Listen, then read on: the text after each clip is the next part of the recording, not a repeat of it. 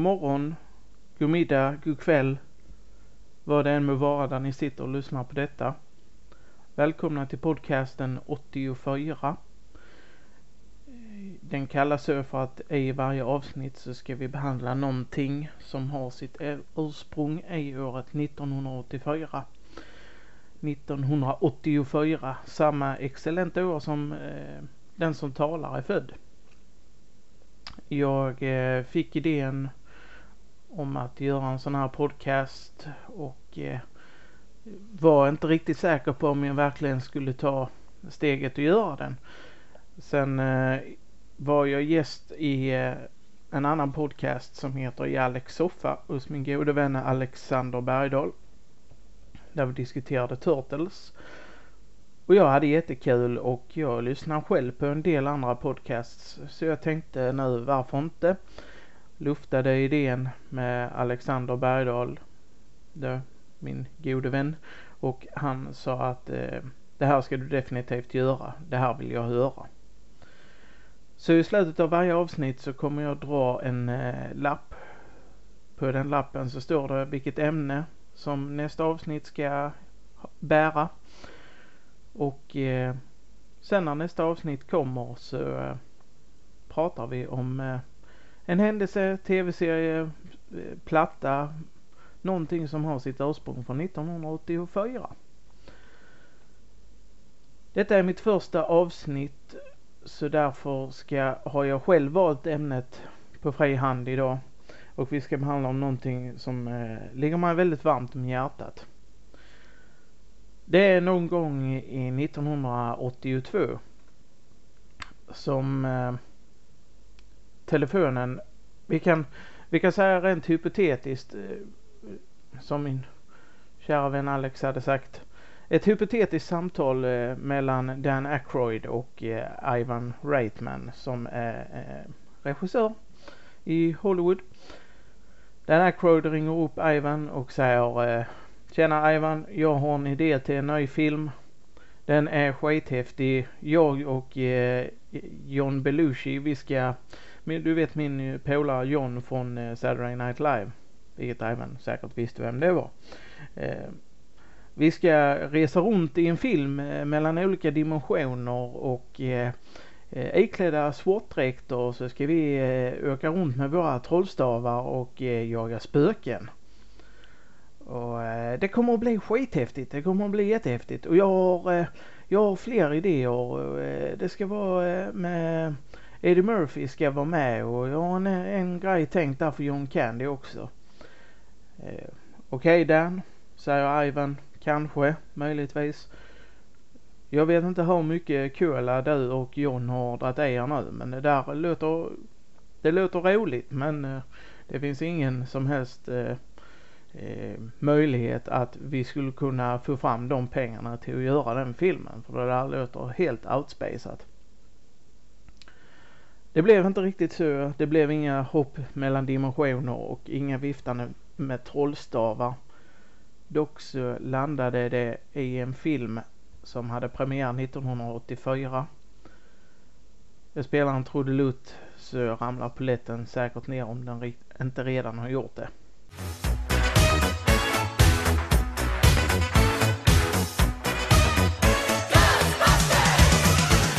Vi talar alltså om den film som har jag nog har sett flest gånger i hela mitt liv.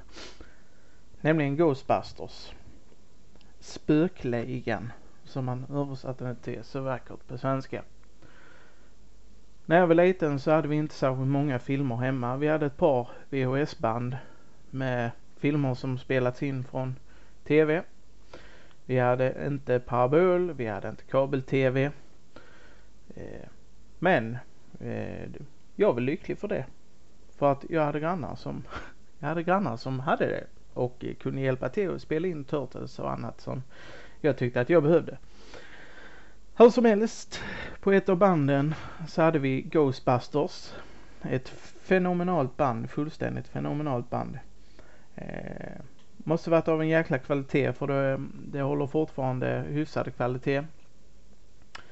Eh, har den fantastiska påan eh, där eh, Hallåan introducerar kvällens film Ghostbusters, Spökligan om ett gäng paranormala forskare som jagar spöken som spelas in 1984.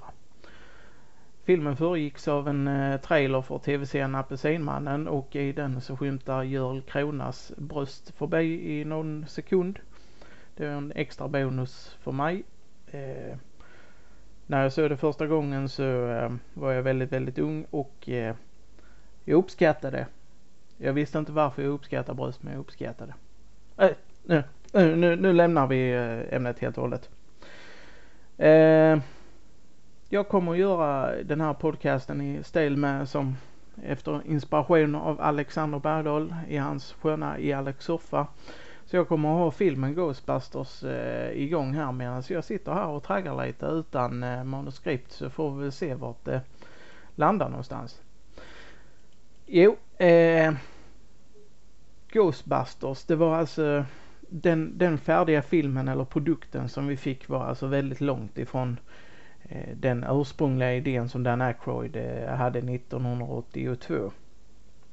Jag gissar mig fram till årtalet, har inget exakt datum men eh, faktumet var att eh, filmen var tilltänkt för eh, Dan och eh, John Belushi och John Belushi gick bort tragiskt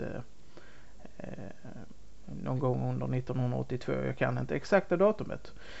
Men hur som haver han hade tänkt sig att det skulle vara John Belushi, det skulle vara Dan Aykroyd och Eddie Murphy och, och även eh, den fine storväxte mannen John Candy i en eh, biroll.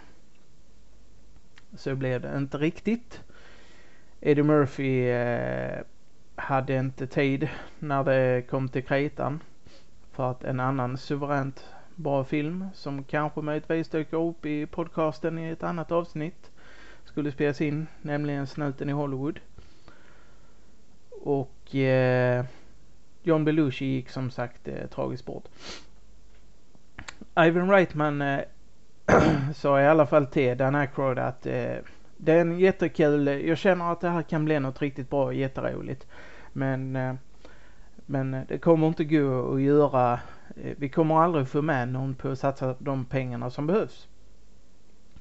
Så Dan Aykroyd teamade ihop sig med Har Harold, Har tunghäfta, Harold Ramis och skrev om eh, hela manuskriptet och anpassade till eh, till att kunna fungera eh, och spelas in en historia med lite färre kostsamma medel. Man eh, började med castingen till eh, filmen och eh, eh, Harry Raimi skulle egentligen inte alls eh, spela med i filmen eh, som han gjorde. Han spelar Spengler alltså. Han vilar i fredag, mycket tragiskt gick även, har han, även han lämnat oss alldeles för tidigt. Eh, men han tog rollen som Spengler för att de kände helt enkelt att de hittade ingen som, som hade rätt typ av torrhet som Spenglers karaktär innebär. Eh, kunnig men lite finurlig och eh, lite vitsig. En torr figur helt enkelt. Eh, och sedan tog man in en annan polare från eh, Saturday Night Live nämligen Bill Murray. Och eh, vi kan väl säga som så här egentligen att Dan Aykroyd har ju sagt eh, man hade ju ett skript som man gick efter när man spelade in. Och eh, men eh, nästan ingen av scenerna blev exakt som de var skriptade. För att nästan alla scener hade minst en eller två adlibs som det kallas. Och mest av allt så handlar det oftast om Bill Murrays Eh, Bill, Bill Murrays scener för han är en ökänd improvisatör. Just nu när jag sitter och pratar så har de kommit till den här punkten där de är nere i källaren eh, på det här biblioteket och eh, den här bokhyllan välter ju över. Och eh, var på eh, Venkman eller Bill Murray då vänder sig till Ray, Dan Aykroyd och eh, säger Has this ever happened to you before? Varpå Ray han skakar på huvudet. Eh, detta var inte heller någonting som var en del av skriptet. Det bara hände. Eh, bokhyllan eh, föll över av sig själv. Eh, den har fått en smäll eller någonting. Den stod ostadigt. Den föll över av sig själv. Man lät kameran rulla och eh, man lämnade in för att det, man tyckte att det funkar ju. Och eh, ungefär så stort sett beskriver Dan Aykroyd att inspelningarna gick. Eh, att eh, om det inte var katastrof och någonting som var sjukt hände som var sjukt mycket annorlunda än vad man hade tänkt och som gick rätt av fel så körde man på och eh, sen klippte man efter bästa förmåga och det tyckte jag väl blev rätt bra. Där är en eh, konstig scen också, eh, eller som jag tyckte var konstig. Eh, där innan, innan de, detta, detta är lite kul, kul att veta om, om man har stört sig på det här. För att innan de går ner den här källan så intervjuar de den här Alice, eh, bibliotekarien. Så frågar Wenkman eh, henne om hon eh, fortfarande har menstruation. Eh, på vilken eh, Eh, på vilken fråga hon då svarar att eh, vad har det, vad har det med saken att göra? Och eh, eller rättare sagt hennes chef kommer gapande och säger vad har det med saken att göra? Och så säger Wenkman att ja men där tar du det lugnt för att jag är en forskare. Den scenen har jag alltid tyckt varit jättekonstig men om man det visar sig att från ett psykologiskt åt parapsykologiskt eh, synvinkel så, så är det en väldigt eh, berättigad fråga. För att eh, inom parapsykologin så finns det en tes att eh, eh menstruationscyklar och eh, telekinetiska krafter att det är en eh, korrelation liksom. Och eh, Alice då som är en äldre kvinna eh, kanske genomgår sin menopaus som, eh, som i vilka i, i parapsykologin du eh, kan eh, i vissa sällsynta tillfällen orsaka psykotiska utfall eller eh, blackout, blackout perioder. Så därför så skulle det rent hypotetiskt kunna vara så att Peter ställer en helt berättigad fråga för att kunna utesluta om hon har orsakat eh, de här problemen i källan själv fysiskt eller parapsykiskt. Så det, det, det, är väldigt, väldigt överkurs. Det är väldigt överkurs. Det, vi ska inte sitta här och snacka menstruation och parapsykologi heller. Men den eh, frågan stör man lite för man vill inte tänka på en menstruerande äldre kvinna och eh, eh, har man då den backstoryn så kanske man mår lite, lite bättre när den frågan kommer upp i filmen. De här unga herrarna de eh, skaffar ju sig eh, en eh, nedlagd brandstation för de ska ju Eh, starta ett företag baserat på eh, det här. Eh, parapsykologi och jaga spöken tänker de. Och eh, nu så är vi framme øh, i filmen, jag hoppar lite här. Så är vi framme vid där de har tittat på den här brandstationen och Ray han är alldeles extatisk över den här pölen. Han är extatisk över sin pöle som han åker upp och ner för. så de köper den här brandstationen. De har fått pengar på något sätt. Nu ser vi den vackra Sigourney Weaver. Hon hoppar ur øh, sin taxi och eh, går upp till sitt lägenhetskomplex där eh, mycket av de skumma händelserna eh, inträffar sig. Där hon i korridoren träffar den suveränt rolige numera eh, pensionerade på grund av eh, privata skäl. Eh, herregud jag tappar alltid hans namn. Rick Moranis. Rick Moranis i rollen som Louis. Eh, Danas granne. Eh, rollen som Louis skulle faktiskt John Candy då ha. Det var den tilltänkta birollen där. Men eh, hans, hans idéer, eh, han, han, han slut, han hoppade av innan eh, filmandet började på allvar. För att eh, han, han, fick full, han fick ständigt avslag på sina idéer. Eh, Ivan Reitman eh, säger i DVD-kommentarerna till filmen att eh, Candy tyckte bland annat att Louis skulle vara en kille med en tysk accent och han skulle ha ett par schnauzerhundar. Och eh, ingen tyckte väl att eh, den här tyska accenten var eh, passande för figuren. Så att, och inte heller de här hundarna för att man skulle ha de här terrorhundarna. Eh, låter som John Candy men eh, inte som eh, Danas granne Louis. Nu hoppar äggen ur sina skal och steker sig själv på Danas diskbänk. Tyckte jag var skithäftigt och jag knäckte till och med några ägg en gång på vår egen diskbänk för att jag tänkte att de kanske bör steka sig själv men det gjorde de aldrig. En kul grej att notera också att de gör det eh, bredvid en eh, Stay Puft Marshmallow eh, förpackning. Så att eh, de liksom lägger fram att eh, Stay Puft Marshmallow Man är någonting som som finns i deras värld redan där på lite små ställen.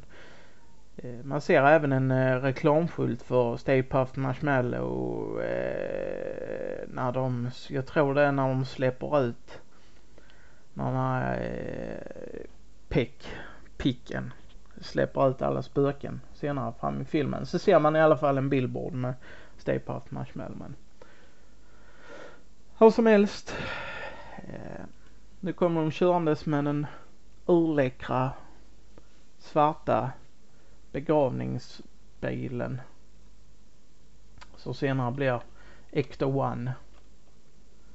Som eh, man släppte en eh, väldigt jäkligt schysst eh, lego byggsats på eh, nu förra eller förrförra året. Eller om det var lagom till 30-årsjubileumet. Då för, eh, för förra året. Ja, hur som helst. Eh, titta på, det finns Youtube-videos där de bygger ihop bilen.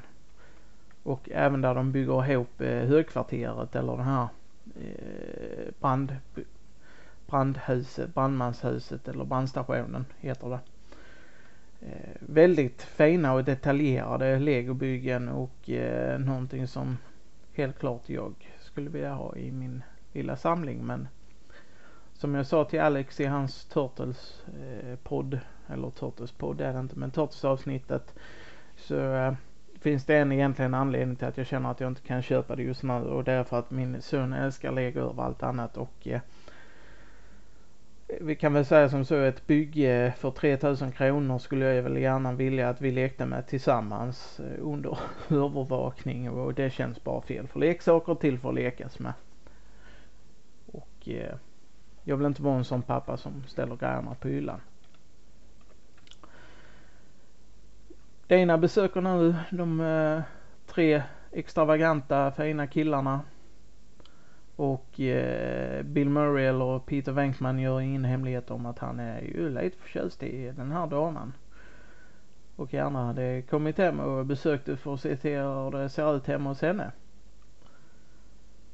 Och vilket han gör och eh, tillsammans med en Alltså det är ju en apparat som finns bredvid. Jag vet inte om ni minns här. Han springer runt med en eh, Det liknar som en eh, kassettbandspelare som han har en, en slang med en bollpump liksom och eh, en eh, annan slang som går ut i en stor pinne. Eh, apparaten finns på riktigt i sig. Man använde det förr i tiden för att mäta gas. Eh, känna av om det fanns gasläckor. Och rent teoretiskt så skulle de kunna ha byggt om en sån till att känna av para, parapsykologiska gaser. Eller dofter. Dina hon, eh, efter att äggen stekte sig så öppnade hon ju kylskåpet och eh, hur ah, är sol. En av anledningarna till att jag gillar Ghostbusters så himla mycket som jag gör det är nog för att den har så många djup. Tycker jag. Eh, när jag var liten så var det en läskig, skrämmande film. Och sen nu när jag växt upp så är det, den är fortfarande rätt läskig kan jag tycka. Men eh, på vissa ställen. Men eh, den är inte fredagen den 13 läskig. Men ja, läskig. Creepy. Och eh, framförallt så är den ju faktiskt jäkligt rolig. Vi kommer senare till en av mina favoritscener som jag tycker är jag kommer aldrig glömma det citatet någonsin. Men vi kommer dit. Eh, de sitter och eh, käkar nu på eh, sin brandstation och eh, tänker hur fan ska det här skeppet flyga? Och just då så ringer telefonen och de får ett larm. Varpå Janine skriker We got one! Slår på larmet. Sen drar de iväg till tonerna av en örskön boogie-woogie-låt. Allting är fantastiskt med filmen. Hela filmen, soundtracket, allting. Och nu rusar de in som att de äger stället där i lobbyn. Och eh, så står de och snackar med en eh, kubbe och Ja, vad är ni för några? säger han. Ja, vi, vi, vi ska, vi är här för att utrota kackerlackor säger de. Där står de med sina overaller med sina stora proton packs. Måste vara några stora kackerlackor säger gubben. Hade betit skallen av er säger Winkman. Och nu smyger de runt där och eh, letar efter eh, det spöket som de eh, kallade för Angenhead när de spelade in. Han hade inget särskilt namn. Dan Aykroyd kallade spöket för John Belushis spöke. Vi pratar såklart om den gröna fettklumpen som äter allt han kommer över sin väg. Som senare fick namnet Slimer. Av självklara anledningar. Och Slimer eh, kläggar ner Venkman och eh, sticker ner i den här salen.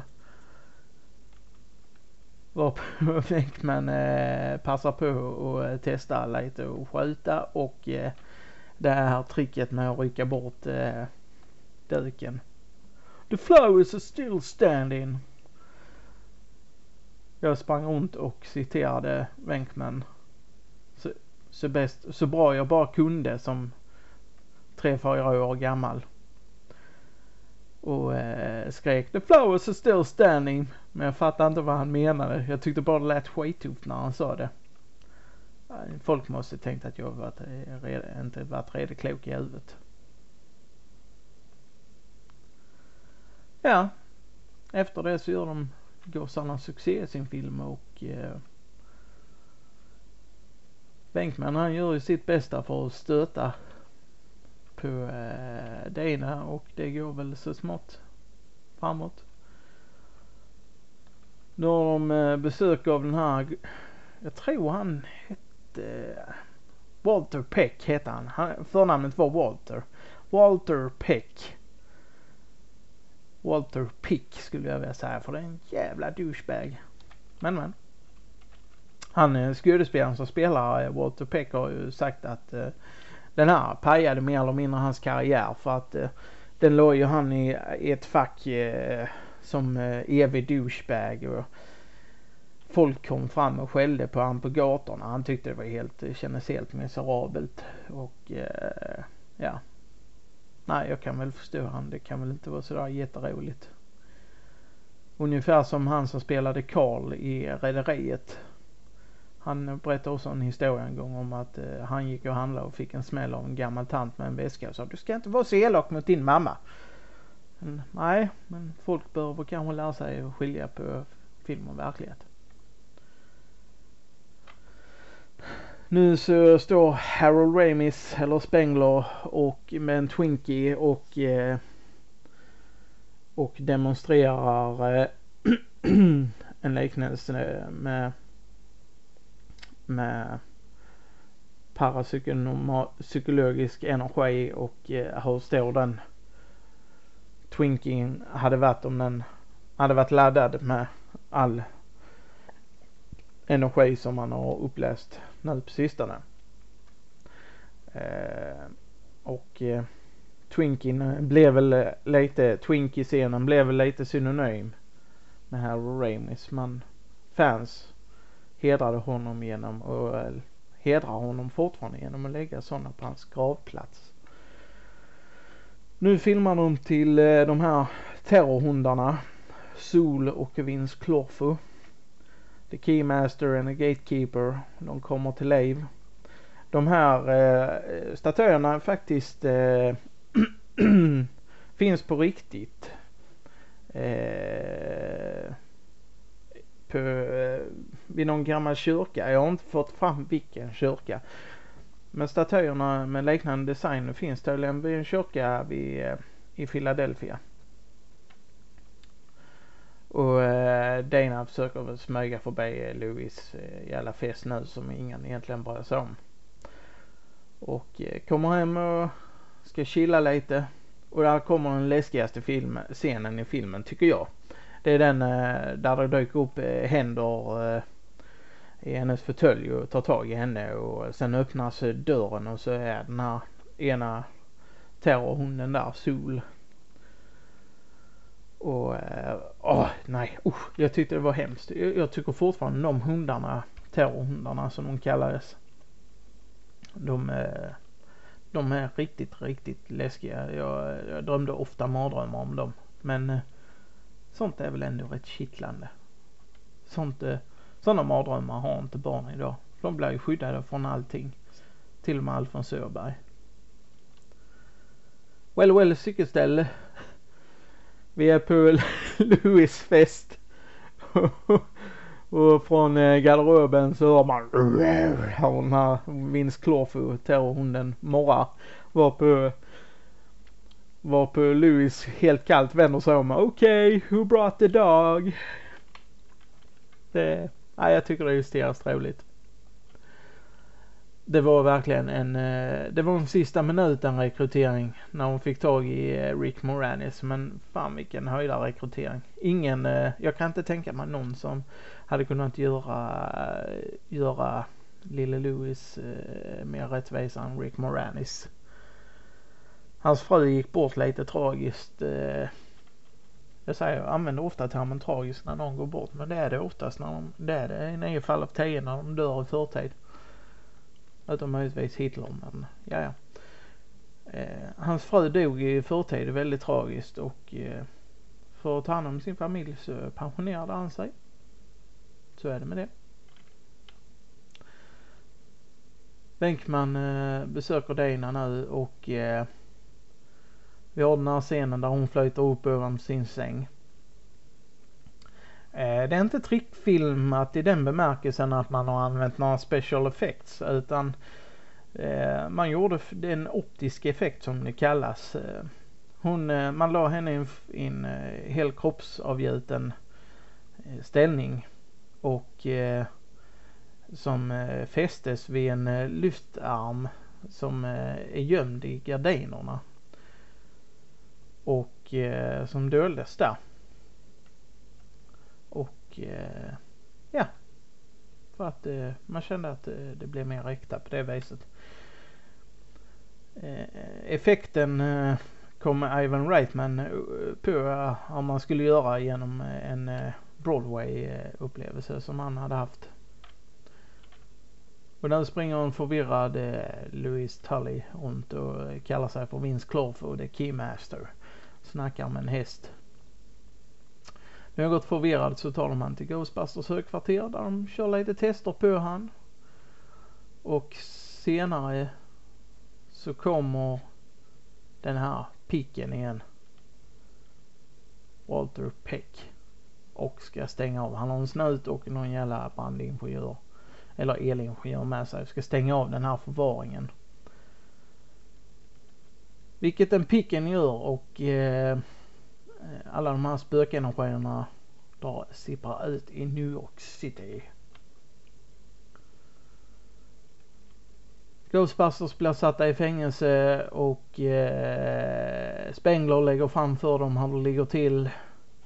Att eh, Ghosters dyrkare byggde under ledning av en som hette Ivor Shandor ett eh, centrum för att eh, ta Gozer till jorden på taket av den byggnad som eh, Dana och Louis Tully bor i. Och katastrofen börjar väl nu då när The Keymaster och The Gatekeeper förenas. Ghostbusters är hos borgmästaren och blir eh, frisläppta där för att de måste ju göra någonting och eh, man ser ju att eh, shit has gone bad i Danas lägenhetshus. Och här en fantastiskt rolig sak som ni måste bara eh, ta och kika på noggrant. I en av scenerna där när de står nedanför och det blåser och, och eh, skit flyger och fan och hans moster. Så är det en eh, för vissa, för ett visst klientell väldigt känd person som står i den här folkmassan. Ingen mindre, mindre än Ron Jeremy. The Hedgehog, mannen som kan ge sig en själv en avsugning. Eh, ta och googla Ghostbusters Ron Jeremy så kan ni eh, kika på bilder om ni inte orkar titta på filmen eller sitta och pausa. Men han är med, det är han. Hissen är trasig, de får ta trapporna och fy för djävulen. De här protonpackarna skulle tydligen vara ännu tyngre i verkligheten än vad de ser ut att vara på film. Eh, man har dock inte avslöjat vem som gnällde mest. Och nu kommer vi till en av mina favoritscener. det är den där The Gatekeeper och Keymaster står och öppnar porten till Gozer och förvandlas till eh, de här terrorhundarna igen. Peter Venkman, den eh, Bill Murray vänder sig och säger okej, okay, she's a dog. Jag tycker det. Det fungerar på flera plan. Eh, jag tänker inte sitta och förklara skämtet. Men eh, jag tycker det är justeras roligt bara. Okej, okay. she's a dog. De andra springer upp och tar sin plats vid den här, eh, ja, jag vet fan vad, vad är hon klädd egentligen? Bubbeldräkt eller någonting sånt där, han eller hon.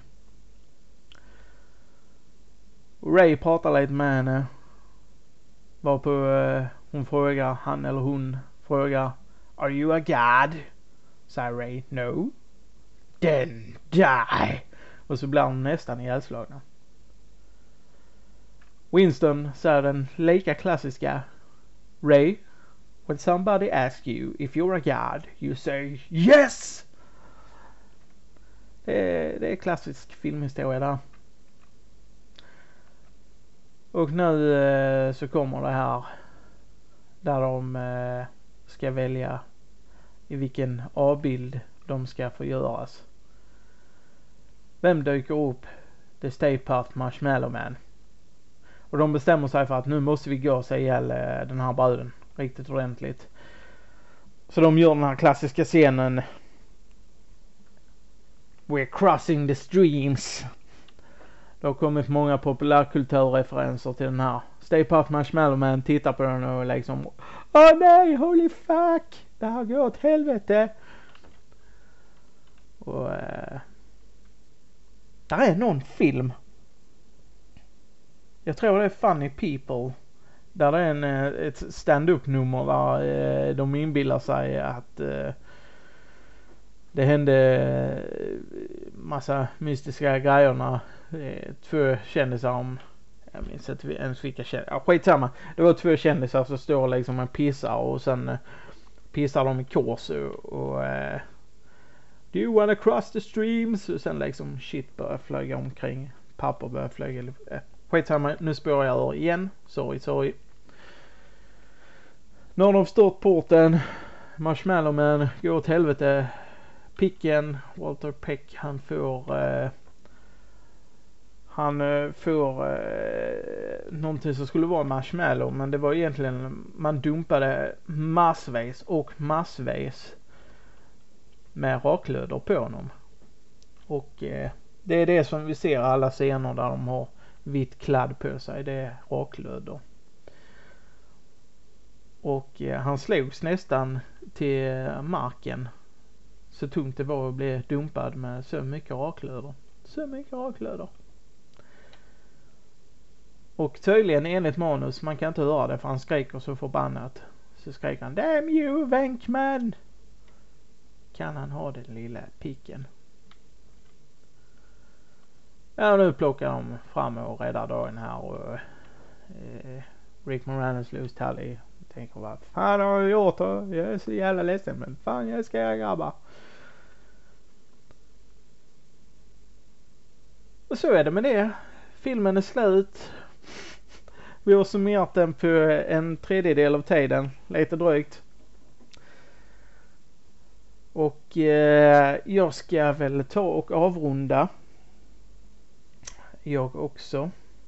Jag tänkte att avsnitten ska jag försöka hålla till eh, så de blir någonstans runt en eh, halvtimme, 40 minuter för seriöst vem orkar sitta och lyssna på mig längre tid än så.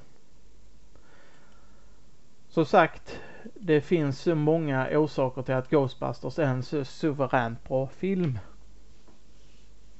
Den, den, där, där finns så mycket att älska med den. Allt från den ursprungliga idén som inte ens är med i filmen till Ron Jeremy som cameo. Alltså det är bara helt fantastiskt. Helt fantastiskt. Jag ska ta och avrunda genom att eh, bläddra eller bläddra, rota här lite och ta en lapp. Ska vi se vad det står. Musik. Musik blir ämnet till nästa podcast. Vi får se. Vi ska prata om någonting med musik som har sina rötter i 1984. Eller ursprung från 1984. Vi får se vad det blir. Vi får se när det blir. Det kan bli om en månad. Det kan bli om några veckor. Det kan bli om två månader. Podcasten kommer när det, det podcasten kommer när den kommer. När jag ska göra någonting roligt. Känner jag. För att det ska bli bra för oss alla. Jag bögar och bockar om ni har orkat sitta och lyssna så här långt. Så bögar jag och bockar för att ni har varit med mig och eh, vi ses i avsnitt 2 av 84. Där vi ämnet alltså är musik. Tack ska ni ha. Hej.